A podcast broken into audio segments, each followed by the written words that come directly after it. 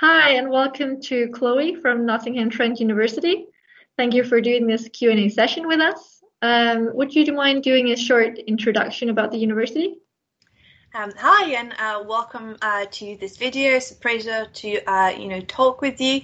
Um, so as you just mentioned, my name is Chloe, and I'm an international officer for Nottingham Trent University, which is based in the UK, and we're we're based in uh, the Midlands of uh, England, so that's quite central. So I don't know if you can see the map behind me, but Nottingham is just right here. So it's quite central. Um, it's near Birmingham and it's not too far from Manchester, and it's about an hour 40 uh, from London on the train. Um, we are quite a large university because we have three campuses. Um, so we usually have around 30,000 students uh, at the university. Great, thank you so much. And what would you say makes Nottingham Trent University different from other universities in the UK or in the area? Uh, I think what makes NTU different is obviously the students that attend our university. They can they make the university, and we do make sure that they have the best experience as possible. So we we try to offer them as many opportunities to represent the university, if it's through sports club, societies, or you know take part into student union activities. Um, so I would say that the university, what makes it different is really the community we have. Um, we really like building onto our NTU community, making sure we keep touch with our alumni, that they have the opportunity to, you know, uh, come to come back to the university and feedback their experience. I think that's what makes NTU so special. Is that once you're part of it, you you're forever part of the NTU family. Mm. And what would you say are the advantages of studying outside of London? Uh, so one of the main advantages, obviously, is that it's cheaper. So um, London, being the capital of uh, you know of England, is a lot more expensive. Um, Nottingham is a smaller city, um, so if you are in the city centre, for example, every everywhere is walk in a walkable distance, um, so you wouldn't necessarily need to use um, the bus to walk anywhere. Uh, if you live slightly outside of the city centre, obviously we do have um, you know public transport that you're able to use. But in a way, it just feels a bit more. Um, it's just a bit more compact, um, and it's you know there's still as many things you can do in terms of restaurants, activities, um, but it's a smaller city, so there's a there's a, a feeling that you know you know the city by the time you finish your studies and you're very familiar with it and yeah you can do many things because it's cheaper so you you can enjoy your life a bit more. Sounds good. So you did mention some activities you can do. What would you say are maybe the three most popular things for students to do in their spare time when they're not studying? Um, yeah, so I would say outside of the university, they're obviously quite keen on shopping.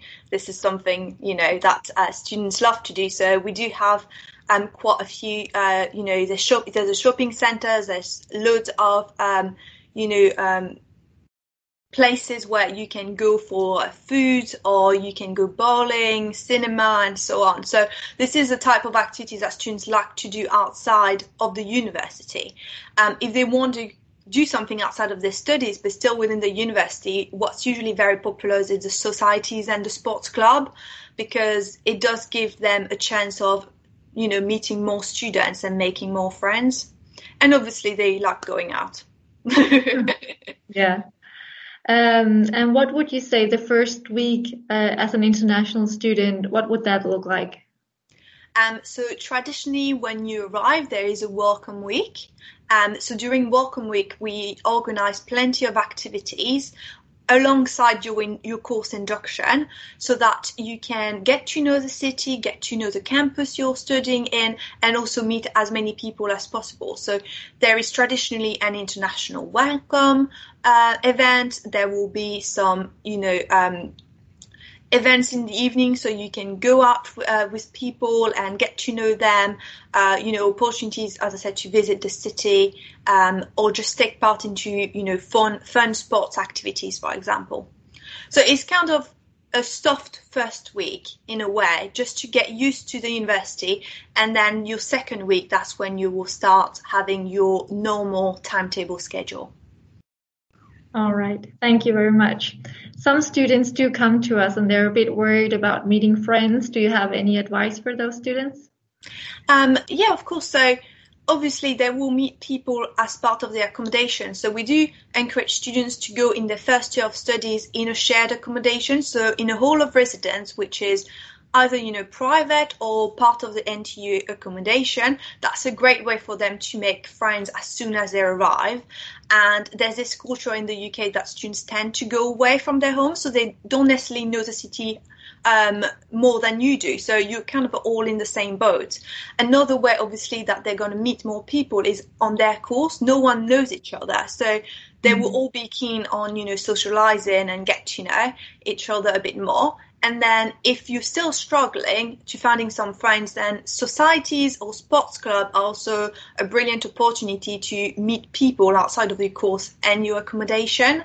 Um, I knew that it can be a bit, uh, you know, stressful at the beginning to know if you're going to have time for this type of activities. But you can join um, at any time during the year. So, you know, if you've been there for two or three months and you're starting to think, I want to meet more people, you can easily join a society then or a sports club.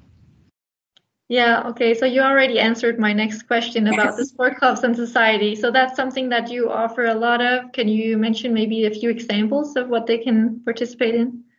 Yeah, of course. So um, during Welcome Week, that we do actually normally traditionally have a fair where they can see all the societies available on their campus and the sports club. So they do get to see what's available out there.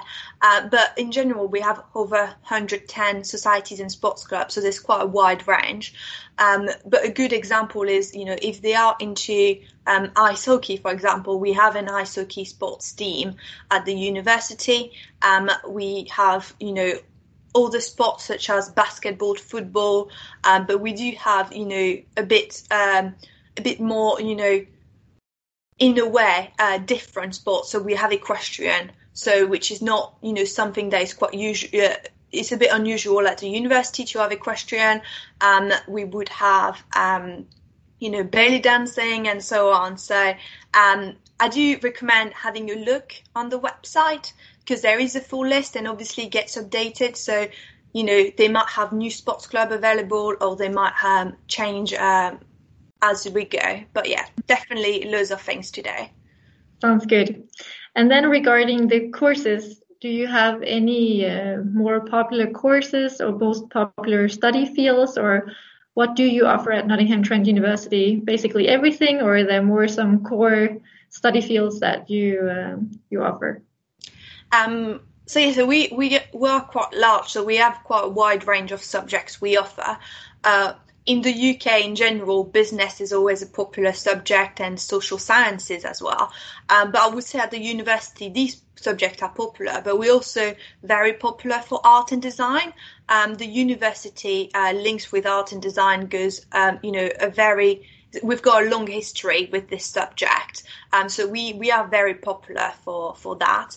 And I would say science and technology courses are always very popular, um, but we don't offer medicine, so this is something we're not able to cater for. Um, and I, I, would say a bit of an unusual subjects as well that you don't find in all universities. That we do have a campus which is um, which focuses on animal um, and built uh, so animal um, sciences. So you would have agriculture, for example, but you have zoo biology, um, equestrian sports science. So quite more targeted and very um, very different subjects, but we're able to offer these. But in general, they're less popular because obviously they are for students that really know what they want. Mm. And can students expect to study amongst local students or at least uh, UK students, or will it be mostly international? Um, so there will be. Um, that they would definitely be studying with local students. So, um, as I mentioned, we have around 30,000 students, and about 10% of our students uh, are international or EU students. Um, so that does mean that there is, um, you know, there will be there will be local students on their courses, uh, but they will still have, you know, a few other international students with them. Um, and we do try to encourage them to meet, um, you know, and uh, get to know more international students. So if they are the only one on their course, then they still can get the chance of making international friends. Sounds good. Uh, and my final question, are there anything particular that the students love about the campus or something that you're most proud of that you offer or something about the campus? Um, yeah, so we do we do have three campuses. So I'll, I'll make a, a little, uh, I'll mention each of them. Mm-hmm. So our main campus, the city campus, is in the city center. So you do get a campus feeling because everything is all together. But if you walk a, couple, uh, a few meters away from this uh, from the campus, then you're suddenly in the heart of the city center. So that's what's so special about it is that one minute you are in the university, you know, um, atmosphere, and then suddenly you're like in a, a vibrant city center with the buzz of the shops, the restaurant, and the people. So that's what the students like the most about it is that a proximity to the city centre. Um, when it comes to our Clifton campus, which is 15 minutes, 20 minutes away from the city centre, um, what's so special about it is like an American type of campus. So it's a gated campus with loads of green spaces to uh, you know to sit uh, when it's nice and sunny outside you can just relax on on the on the grass or study there um, so that's what's so nice about it is that it's very different and it's got a bit of an American type feeling of campus and then our Brackenhurst campus is where our I mentioned equestrian courses and so on. This is where we have all our animals. So it's quite it's quite on it's on the outskirts of Nottingham, so it's 40 minutes away. But it's a beautiful estate, um, and it's very uh, picturesque and Instagrammable. So I think the students, when what they like about the campus is that you could easily go for a walk and feel like you are in the middle of the countryside. Sounds wonderful. Thank you so much, Chloe, for doing this. Uh, I hope to send you lots of students your way. Oh, it's my pleasure, and uh, yeah, feel free to uh, to contact us if you have any question. We're always happy to help. Thank you. Bye. Bye.